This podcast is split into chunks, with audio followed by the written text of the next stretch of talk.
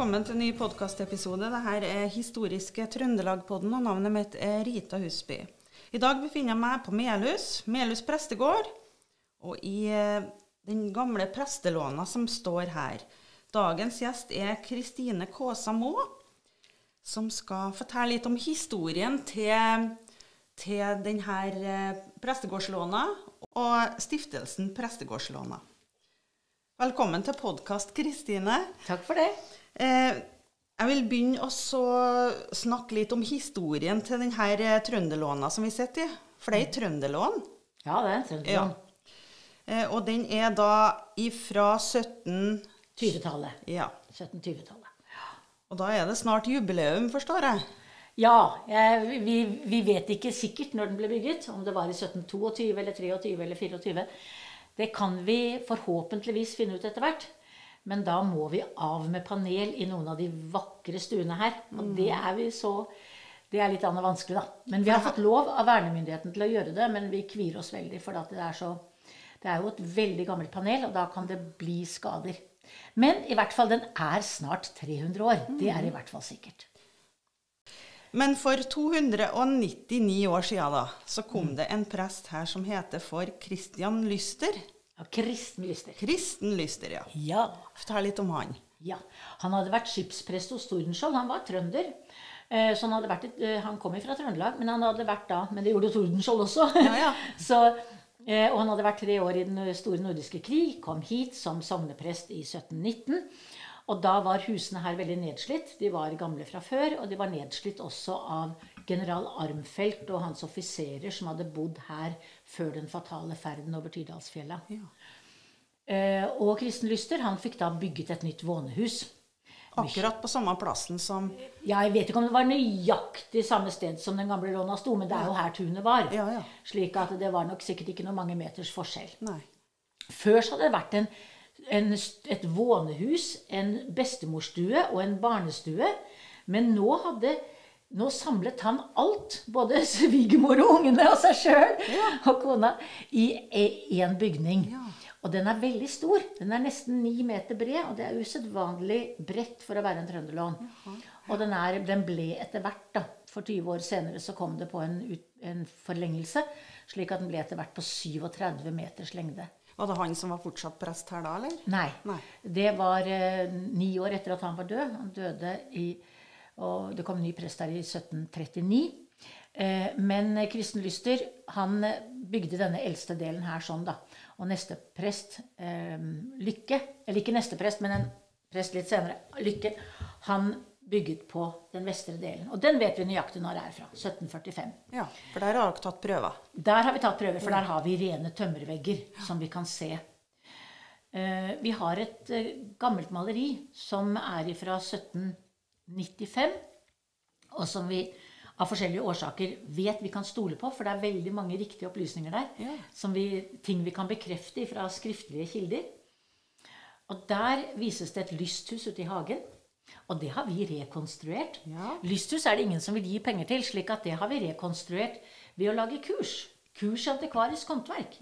Slik at folk som har gamle hus, f.eks. en gammel låve eller et gammelt stabbur eller et gammelt våningshus på en gård, når de må endre Når de f.eks. må eh, ja, skifte noe utvendig panel, Ja. så bør de ikke bare gå på byggmaker og kjøpe en, et, et, et passende panelstykke. Da bør de egentlig skaffe seg noen gode materialer og høvle det sjøl. Ja. Men skal man høvle sjøl, så kan det være greit å lære. Ja, ja, ja. Derfor har vi arrangert flere kurs, både for barn og voksne, i det å høvle og bruke profilhøvel. Så bra. Ja. Så det eh, lysthuset er da en rekonstruksjon av det lysthuset som kanskje Kristen Lyster selv satte opp. Ja. At det var gammelt den gangen i 1795, da vi har det på et maleri. Vi snakka litt om det i stad, fargen på huset. Ja, Det var mala i ja det, altså, vi, vi, vet, vi vet faktisk mer om fargene ut ifra dokumenter enn vi vet. Og prøver på huset enn vi vet ifra malerier. Eh, For malerifargene kan forandre seg gjennom når de er veldig gamle. Da. Mm. og det vi vet ifra prøver som er gjort her, for det er gjort fargeundersøkelser i hvert eneste rom og utvendig. Det er veldig grundig fargeundersøkt, så vi har en egen bok med alle fargerapportene. Oi. Så vi har funnet både stående på veggen og i dokumenter at huset her var malt rødt på, 17, eh, på 1830-tallet. Oh, ja. Eh, så vidt jeg husker at det var 1830-tallet. Og senere ble det malt eh, gult. Og da Anders Hovden, som det er bilde av her i Hovdenstova, som vi sitter i, da han kom hit, så syntes han huset var kaldt og fælt. Og han sa det at han var prest her. Det er han som har skrevet 'Fagert er landet, du og skav', som vi synger på 17. mai og sånn. Og massevis av salmer. Han kom her med sin hustru og mange barn, og var prest her i ti år. Fra 1910 til 20.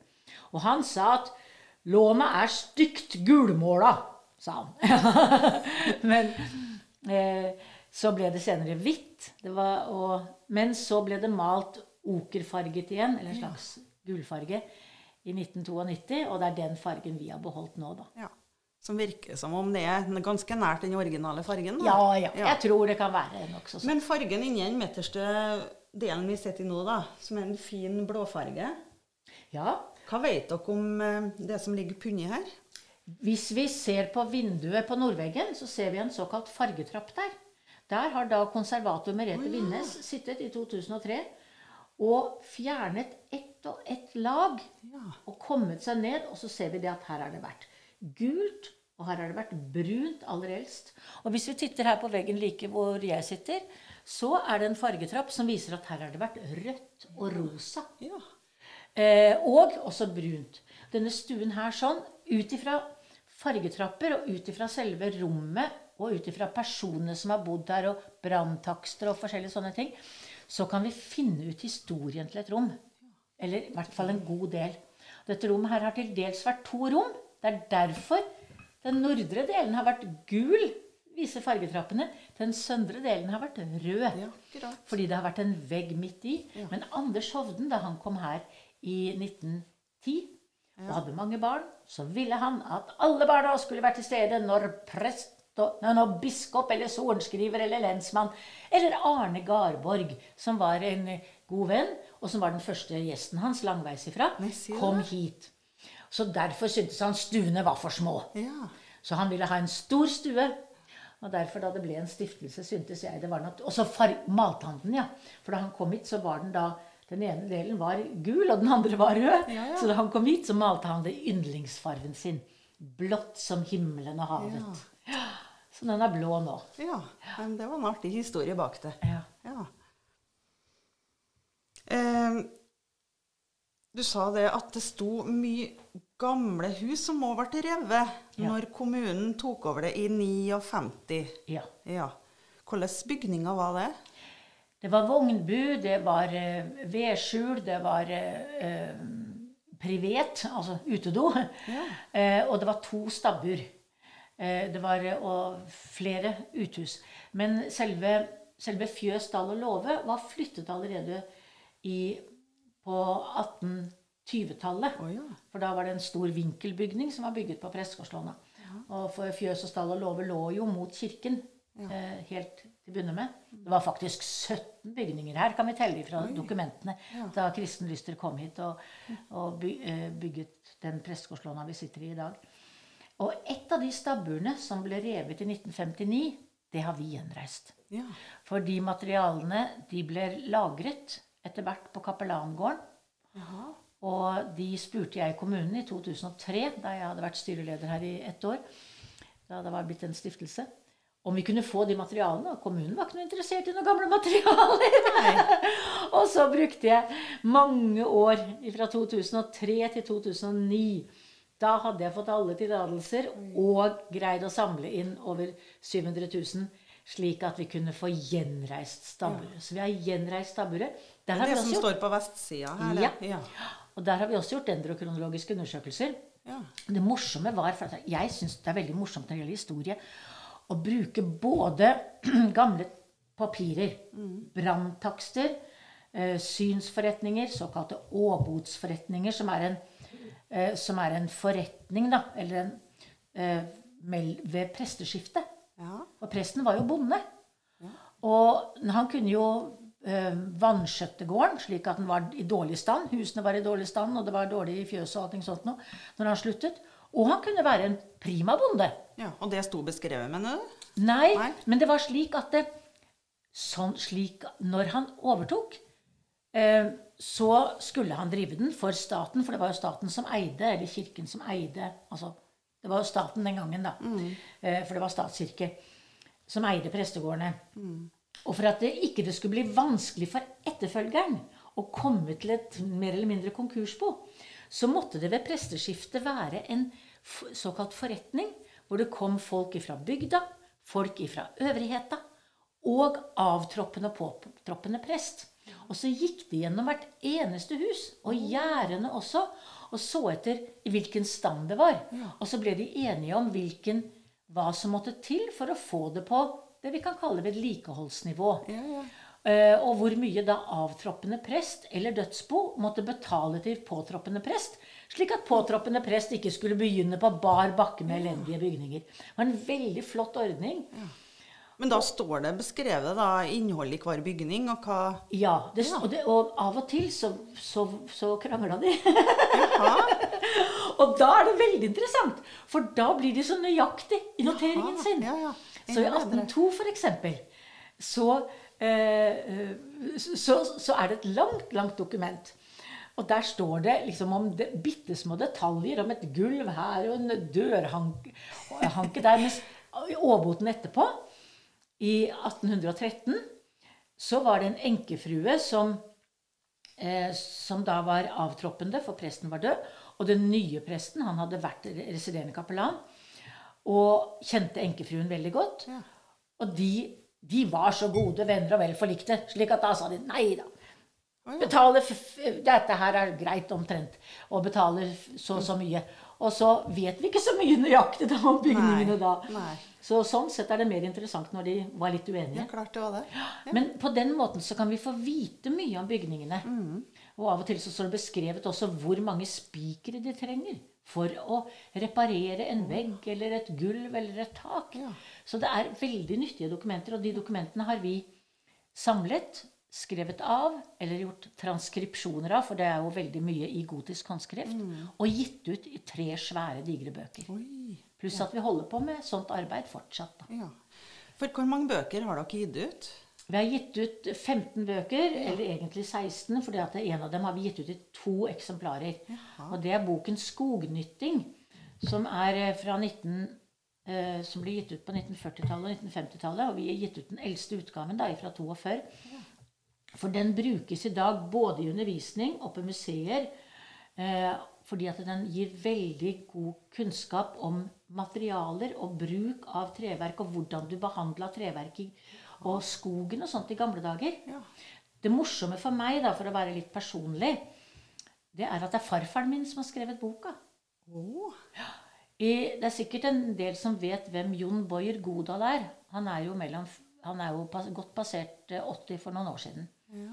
Og han er en meget stor Han har jo skrevet mange bøker, og han, eh, han er veldig god greie på materialkvalitet, på båtbygging eh, og på eh, ja, på, på husbygging og konstruksjoner, og skrevet mange bøker. Og i 2008 engasjerte jeg ham hit til et foredrag, til en fagdag, om, eh, ja, om forskjellige ting. Og da spurte jeg ham For da hadde jeg oppdaget at det var flere håndverkere som likte den boka 'Skognytting' av farfar. Og så spurte jeg ham kjenner du til 'Skognytting' av Johannes Kaasa, sa jeg. 'Skognytting', sa Jon Borg Godal. 'Det er min bibel'. Oi! det var artig, da. Ja. Og senere, når da den ene håndverkeren etter den andre kom og sa til meg du har du flere igjen, for at jeg kjøpte opp antikvariat, ja da, farfars Ja, bok. ja. Jeg visste jo han hadde skrevet den, for farfar har jo til og med vært her i Melhus før han døde på 1980-tallet. Eh, og besøkte oss. Men, eh, så jeg syntes det var artig å ha flest mulig eksemplarer av Når skrev han den boka? Den skrev, han skrev sin første eh, fagbok faktisk i 1926 Ja. så lenge siden. Da var han 31 år. Eh, men denne boka her da, skrev han i 1940, eller ga han ut i 1942. Ja. Da han var blitt tvangsflyttet av eh, nazistene til Buskerud. Eh, men da, og da skrev han den, for han var lærer da i, eh, på landbruksskole. Ja. Og senere Forskmann i Statens skoger. Ja. Og den boka er blitt så etterspurt at vi i år har trykket den opp på nytt. Snøfugl forlag og, Ja. og vi. Så Så, bra. men vi har også gitt ut da eh, 14 andre bøker. Mm. Eh, En liten serie som vi, med litt mindre bøker, og så en, en stor i A4-størrelse. For det her er jo stiftelsen Prestegårdslåna som har gitt ut Ja. de bøkene. Ja. Du kan jo fortelle litt om hvordan, eh, hvordan du starta denne stiftelsen. Så det var du som gjorde det. Det var du som Ja. sto i bresjen for det. Ja, det, det var nok det. Altså, i 1959 Så vi må gå tilbake til så lang tid. Da var jeg bare syv år. Men i 1959 kjøpte kommunen låna og syv mål tomt. Det gjorde de fordi de ville ha utvidelse av kirkegården. Så rev de alle uthusene, brukte tre mål til å lage en større kirkegård. Eh, Så gikk det noen år, og så de, måtte de ha mer kirkegård. Da vedtok de å rive vestenden av låna, og de anla kirkegård i hagen. Da ble eh, noen mennesker i Melhus veldig engasjert. Det var allerede flere som hadde vært det. Signe Overby, f.eks., som har vært med i viktige historielaget og vært redaktør for Melhusbyggen i veldig mange år. Eh, Hun gjorde en kjempeinnsats, og hennes mor også, Ragnhild Overby, og Jens Loddgard, som er nabo her, og etter hvert jeg. Eh, hadde det ikke vært for oss fire, så hadde vi sittet på kirkegården nå. Da hadde det vært kirkegård her. Men det var en kamp, da, skjønner jeg. Det var en veldig kamp. Ja. Eh, I 1991 så hadde de anlagt kirkegård i hagen. Det var like før de var ferdig med arbeidet og kunne ha den første begravelsen der. Da hadde eh, jeg protestert i avisen, Ragnhild hadde protestert i avisen, Jens hadde protestert i avisen. Og Ragnhild hadde reist til Riksantikvaren og til fylkeskommunen. Og så gikk fylkeskommunen inn med midlertidig fredning Ja. av prestegårdslånet av Hagen. Kommunen ble rasende, og vi ble hoppende glad. Og da startet en lang kamp. Ja. Og den skal jeg ikke snakke så mye om, for i dag kan vi være glade. Men den gangen var det fælt. ja. Vi kjempet først i fem år, fram til vi greide å kjempe det fram til endelig fredning av Prestegårdslåna og Hagen. Det var i 96. Da eide fortsatt kommunen Hagen og Prestegårdslåna. Og den siste kampen, da, som også var på som da var på seks år, fram til 2002, det var å finne ut hvordan skulle det bli med dette her i fremtiden. Og det var da jeg til slutt greide å kjempe det fram til at kommunen ga det fra seg. Og det ble en privat ideell stiftelse. Det er en ypperlig organisasjonsform. Det krever at det må være folk som er villige til å arbeide. Ja, ja. Uten penger, uten godtgjørelse. Eh, Men det er jo så meningsfylt. Det er så veldig meningsfylt. Så i 2002 ble det en stiftelse. Og det har den vært siden. Og da fikk jeg et strålende forhold og samarbeid med kommunen. Jeg hadde jo hatt et godt samarbeid med flere i kommunen fra før. Ikke minst musikkskolen. Og også kulturavdeling for øvrig, og, og flere andre. Eh, og fra 2002, da det ble en stiftelse, så har det utviklet seg et meget godt samarbeid. Ja. Særlig med, videre med kulturskolen, og med kulturavdelingen og med landbruksavdelingen på kommunen. Og med ordførere og hva det nå måtte være. Men eh, tilskudd Det må jo en del tilskudd til for å drifte det her. her. ja, det må det. Ja. Eh, og man må bruke sin fantasi. Jeg har jo ikke lært det der. Jeg har vært eh, religionslærer og kristendomslærer. Men det er kanskje ikke så dum bakgrunn, det heller. Eh, så man må bruke sin fantasi og lage istandsettingsprosjekter. Og um, ikke gape over for mye av gangen. Ta litt av gangen. Ta det viktigste først. Og så alltid være nøye. Dokumentere, være grundig. Vise de som du får til å bevilge penger, at du gjør ting veldig ordentlig. At det aldri er noe tull. Jeg spurte f.eks. en nokså tidlig om han kunne tenke seg å klippe plenen gratis ved Prestegårdslåna. Og så sa han nei, du har jo fått så masse penger, sa han. Det står jo i avisen at du har fått 200 000 til det og 200 000, 150 000 til det. Du må da kunne betale noen til å klippe plenen. Nei, vi har ikke fått penger til å klippe plenen. Vi har fått penger til å reparere en, eh, til å restaurere en råtten tømmervegg. Ikke sant? Og, eh, og derfor må du, når du da kan vise til Og så har vi jo fått masse Det har alltid vært folk som har klippet plenen gratis her. Ja, ja, ja. og eh, det, har, det å vise at vi selv arbeider gratis Mm. og gjør ting godt og grundig, det er veldig viktig, da. Så Mm. du kan få tillit. Eh, man kan få tillit til deg. Og da er det mange gode ordninger. Det er det. Ja, det er nok det. Ja, og vi har gitt etter hvert hjelp også til andre. Ja. For at jeg jeg er jo lærer, så jeg liker å ha kurs. ja, Og liker, at, liker både å lære selv, og at andre skal lære. For dere er flinke til å holde kurs her. Ja, jeg har arrangert eh, over 40 kurs og fagdager. Ja. Eh, og nå har vi kommet så langt at vi de siste årene har kalt oss et bygningsvernsenter. Og i år har vi faktisk fått som den eneste av fem som søkte i Sør-Trøndelag, eller i Trøndelag, mener jeg, både Nord- og Sør-Trøndelag, vi var de eneste som fikk penger fra Riksantikvaren til et bygningsvernsenterprosjekt, slik at nå har vi faktisk en person ansatt i en halv stilling som leder av bygningsvernsenteret. Slik at nå er det hun, Tone Østerli, som tidligere har vært ansatt både hos fylkeskommunen og eh, hos Byantikvaren. Hun er eh, ansatt hos oss som antikvar og prosjektleder, og vi håper at det skal bli fast. For vi ønsker å hjelpe andre med bygninger til eh, å vøle dem selv, altså reparere og, og, og ta vare på dem selv, og til bedre å kunne vite hvordan man skal søke støtte, få kontakt med håndverker osv.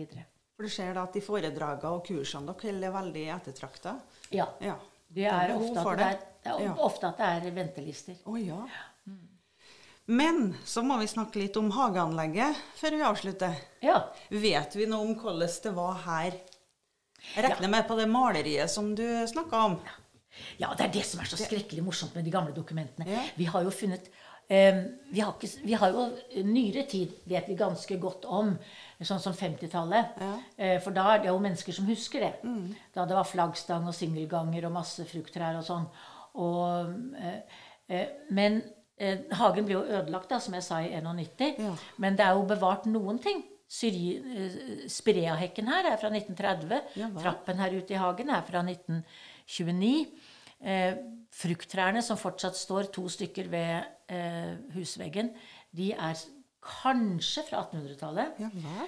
Og i, for, ti år siden, så, eller for over ti år siden så begynte jeg et stort eh, hagedokumentasjonsprosjekt hvor jeg samlet alt jeg kunne av bilder og dokumenter skrevne fra alle de forskjellige dokumentene som finnes, som vi har, og snakket med mange mennesker. Snakket med folk som har bodd her. Naboer som er her. Ba folk rundt omkring komme med bilder. Det har jo bodd forpakterfamiliehuset her også, ikke bare prestefamilier. Og dermed, og så engasjerte vi eh, den jeg Jeg prøvde å finne ut hvem som kunne være best hagearkitekt i Norge. Ja. Og da fant jeg den som dronningen også fant, hadde funnet, da. Når hun skulle ha en til eh, Slottshagen. Jaha. Eh, nemlig en som heter Ingeborg Sofie Melgren Mathisen, og som er ikke bare hagearkitekt, men også er, eh, bor på bondegården nede i Koppang. Eh, så henne har vi engasjert, slik at en av bøkene våre er hennes hagerapport. Slik at vi vet ganske mye. ja. Og det vi da bestemte oss for, det var ikke å tilbakeføre til en bestemt tid, men til å bevare hagen sånn som den var da i 2010, og så tilbakeføre ting som har vært der før. Derfor har vi altså eh, reist lysthuset, for det var det på 1700-tallet. Ja, ja, ja. Det har vi fra et maleri. Derfor har vi laget gjerde eh, som du ser mot lysthuset, som er umalt. For det har vi på det maleriet. Men så har vi også det fine, sorte stakittet. For det som vi også har utenfor her. Ja. For det var det på 1860-tallet. Ja. Så vi, Så tar ta litt ifra hver eh, vi tar vi, epoke. Ja, vi syns det er veldig Ja. artig. En historiske planter, da fant de noe ut hva som kunne Vi vært har, her? heldigvis er det noen som har overlevd. Oh, ja. Slik at vi har gammel pion, blant annet, som har stått her fra, fra, fra den tiden det var prester her. Og sannsynligvis også noen av tulipanene våre. Eh, og, og vi har også vedtatt at vi skal ikke kjøpe noen planter. Nei. Det vi skal ha hit, det skal være planter som kommer fra andre gamle hager. Så vi har fått prestegårdsrose, fra en av de andre gamle hagene her, en stikling, Jaha. her i Melhus. Og hvis noen har, som hører dette her, Ja. har en rød, gammeldags eh, rabarbra med svære blad Det har jeg. Det har du, ja! Da vil vi gjerne ha en Ja, avlegger. kanskje jeg må Ja. ofre en avlegger til dere? ja. Vi, vi fikk en fra eh, noen i Orkanger et år. Oh, ja. Eh, og den vernet vi veldig om, men den, den, den tredje vinteren overlevde den ikke. nei. Så vi må grave et større hull og gjøre det enda Ja. bedre for det neste vi får. Ja, ja, ja. En bærbuska, da var det Det var bærbusker her. Ja. Og de er det dessverre veldig lite igjen av. Ja. Det er mulig vi greier å berge en, eh, en stikkelsbærbusk, Jaha. fordi det har skjedd noe stort i sommer. Jaha. Fra 2003 av har jeg også arbeidet for låven ved Melhus prestegård. Jaha. Den store låven som står utenfor her, Ja. og som er bygget i 1929, 1928. Og som ei, var eid av Opplysningsvesenets fond. Ja. Opplysningsvesenet sa at de hadde ikke råd til å De gir ikke bort ting. Men vi har ikke penger å kjøpe for. Nei. Men jeg, det gjelder å arbeide og tro på ting. Og prøve å arbeide jevnt og trutt. Så fra 2003 har jeg arbeidet, og i år så ga Opplysningsvesenets fond oss låven og tomten omkring. Yes. Vi har riktignok en kjøpekontrakt, og der står det at summen vi kjøper betaler, er kroner null. Ja, men så artig at det ordna seg. Ja. Så der står det en stikkelsbærbusk som er litt eh, som vi, Eller det er rester av en stikkelsbærbusk som vi håper vi kan få til å overleve. Ja. Vi har bilde her på veggen av Ole Hartvig Nissen. Ja. Eh, han er Norges største skolereformator, og vi har jo en meget kjent skole i Oslo som bærer hans navn, og som han fikk bygget på 1800-tallet.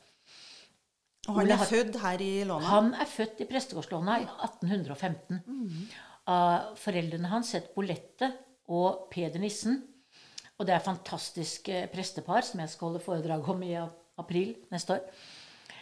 Eh, og Ole Hartvig Nissen han eh, sa det at den beste undervisningen han fikk, den fikk han her i huset av sin far. Og han gikk senere på skole og opplevde at undervisning og lærere kunne være ikke bare bare. Så han ønsket å lage en skole hvor både gutter og kvinner fikk mer matnyttig undervisning. Og han startet jo også en egen skole for piker. Nissens pikeskole. Eh, og det er veldig interessant med de menneskene som har bodd her, å se hva, det, hva de har ført til. En niese, eller en kusine av han, ble jo Norges eh, rikkenissen. Første, eh, hun skrev Norges første sykepleierlære, og ble, var sykepleierlærer. Og, de, og sto- er en av de viktigste bak Lovisenberg sykehus i Oslo. Eh, og det å se menneskene her, både da de levde og senere deres slekt er, eh, ja, Slekten deres i dag, det er veldig, veldig gripende. Og det er noe vi har mye å fortelle om her. Ikke bare Hovden, som jeg har nevnt tidligere, men også en familie som het Neumann, f.eks. på slutten av 1800-tallet. Han som var prest her da middelalderkirken ble revet. Eh, og, eh, eh, og, og, og det å bli kjent med menneskene og se deres skjebne I 1998, da vi fortsatt kjempet for prestegårdslåna og dens fremtid Den var jo fredet, da, men det var kommunen som eide den. Da gikk jeg til kultursjefen og spurte kan vi i prestegårdslånas venner få gå på mørkeloftet av låna og se om vi finner noe. Nei, sa kultursjefen. Hvorfor ikke det, da, sa jeg. Det er tomt der, sa kultursjefen. Ja, men hvis det er tomt, sa jeg, så må vi vel få gå og se om vi kan finne noe. Så visste han det at jeg aldri ga meg, så han ga meg tillatelse. Ja. Han hadde rett i at det var tømt, men han hadde ikke sett etter de som tømte. For det lå mye rask på gulvet av sånt som de hadde lagt der for å isolere for varmen. Og i det rasket så fant vi massevis av skolebøker fra 1880-tallet ifra Neumann-familiens barn. Og, eller fra Neumanns barn, da. Og vi fant mange brev tilbake til 1860. Gripende brev som vi har liggende her i kopi, og selvfølgelig fullt, original. Ja. Og masse medisinflasker. F.eks. en medisin til den presten du har på veggen ved siden av deg, Bernhoft. Jaha. Jeg har ikke villet lese hva som står på etiketten, for da syns jeg jeg trår ham for nære. Men det er samtidig en nydelig koboltblå flaske som står i utstilling her. Og, og Bernhoft, som der også er slektning med eh, Det er samme slekten etter all sannsynlighet som Unni Bernhoft, som spiller i en kjent film, eh, 'Fjols til fjells', fra 1950-tallet eller 60-tallet, da den ble laget. Og, eh, eh, og, og likeledes Stein Adle Bernhoft, som er varamann til styret her, og som har laget bildene til billedboken vår. Og det å bli kjent med disse menneskene og finne ting fra dem Vi fant karakterboken til sønnen til den presten som du har på den andre siden av der, Hollum. Kan dukke opp en den, ja? Den, dukket opp, den lå i bakerovnen her. Åh, Ja, så det, ikke sant? Vi finner så mye rart. Ja. Og i, i, inni bakerovnen så fant vi masse bein også. Og så har, siden jeg er lærer, da, så har jeg hatt så masse elever gjennom tidene. Og en av dem er blitt osteolog. Det vil si at hun er ekspert på skjelettdeler. jaha. Så hun har vært her og gått igjennom alle de benrestene som jeg har funnet. Fant jeg ut hva det kom fra? Ja, dette er okse, dette er sau, dette er en høne, dette er en ku. og dette er det noen mus som har vært og bitt på etterpå. ikke sant? Artig dokumentasjon. Ja, det er veldig morsomt. Så det er, her er det så veldig mange historier av alskens slag. Og vi har også fått brev fra eh, folk som har, hvis foreldre har arbeidet her. Denne tjenestepiken hos Hovden hadde fortalt sin datter, som da sendte meg brev, og fortalte om dette her, at Hovden Han var prest, og han var, så vok han var voksen, men han var så menneskelig og snill og god. Ja. Han og kona behandlet tjenestefolket som deres sine egne barn. De var ikke tjenestefolk, de var familie. ja. Og presten kunne være slik at han kom på kjøkkenrommet som er ved siden av oss her. Han kunne komme inn på kjøkkenet og si 'Kari mi Kari!' når han var i godt humør. Og løfte henne opp og gi henne en klem og danse med henne på gulvet. Og det var så stort for denne unge tjenestejenta på kjøkkenet å se at presten var så menneskelig og god. Og det er også noe vi har opplevd med mennesker som vi har snakket med. I dag så får jeg eldre på besøk, ofte demente fra sykehjem og dagsentre i Melhus. Og når de kommer hit, så forsvinner demensen. Jaha. Og da sier de her tok vi ut lysning. Og det er det kanskje mange unge som ikke vet hva det er. ja, ja, ja. Men i gamle dager når man skulle gifte seg, så måtte man gå til presten og ta ut lysning, het det. Når man, når man skulle gi beskjed om at man skulle gifte seg. Så kom det gamle minner fram. Ja. Og så sier de det at Å, der er det bilde av prost Aune. Han viet oss. Han døpte ungene våre. Han konfirmerte oss. Ikke sant? Og, eh, og det, dette her er så stort og fint å samle både på papiropplysninger eh, om bygningen, samle på selve bygningen og bli kjent med den, men også samle på historien om menneskene som har bodd her. Både fra bøker og fra fortellinger og fra brever og hva man måtte finne på loftet og allting. Det er mange som har hatt et forhold til, til huset. Det er det. Ja. Og vi har fått mye. Gyngestolen der eh, er fra Hovden. Det er Hovdens eh, stav. Oh, ja. Ja. Eh, Det er mange møbler her i huset som er kommet ifra etterkommere av prester. Ja, Alle disse bildene her er jo det. Disse maleriene fra Hovdenslekta har vi jo fått av Hovdenslekta i dag. ja. Bildet av presten Hollum har vi fått av hans barnebarn. Å. Så vi har en rekke ting som barnebarn og oldebarn av tidligere prester og forpakterfamilie har gitt til prestegårdslånet. Og alle gjenstander i hele huset er gaver. Oh, ja. Og hvert eneste rom, det er 20 rom her, er møblert. Alt sammen med gaver. Eller noe vi har fått laget, sånn som de store, fine bordene vi har i her, som også er utstillingsbord med glassplater under duken. oh, ja. Hvor vi har uh, tegninger og utstillinger under, under duken. da. Og lager for våre store tegninger og kart. Eh, Det er laget av håndverkere i, i området her. eh, for penger vi har fått av mennesker. Ja. Så når dere starta denne stiftelsen, så var det tom, tomme rom? Det var tomme rom. Ja. Det sto bare noen få gjenstander her. Ja vel, ja. Eh, noen veldig få gjenstander. En gammel komfyr som i dag står på kjøkkenet. Og en liten en del fra middelalderkirken, sannsynligvis oppgang til prekestolen. sannsynligvis. Ja. En gammel vedovn som kanskje er Den står her i Hovdenstova i dag. Kanskje kommer ifra Marcello Haugen, av alle ting. Oh. Ja. Så det er, Og her er det historier i historier. Ja, det er det. Og dere har virkelig gjort en fantastisk jobb, da. Det må jeg jo si. De bøkene som dere har gitt ut av, dem selger dere her, skjønner jeg? Ja. ja. Og de vil vi gjerne selge. Så det er bare å komme her og kjøpe. Eller ta kontakt, så kan vi sende i posten. Og dere har både ei nettside og Facebook-side, har jeg sett. Ja.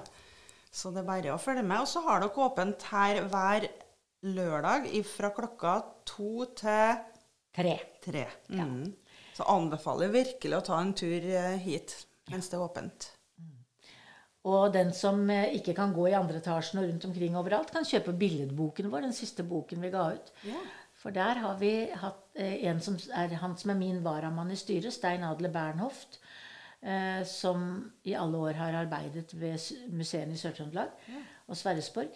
Han har tatt vidunderlig masse bilder her, Så bra. ja, som vi har samlet i en billedbok. Ja.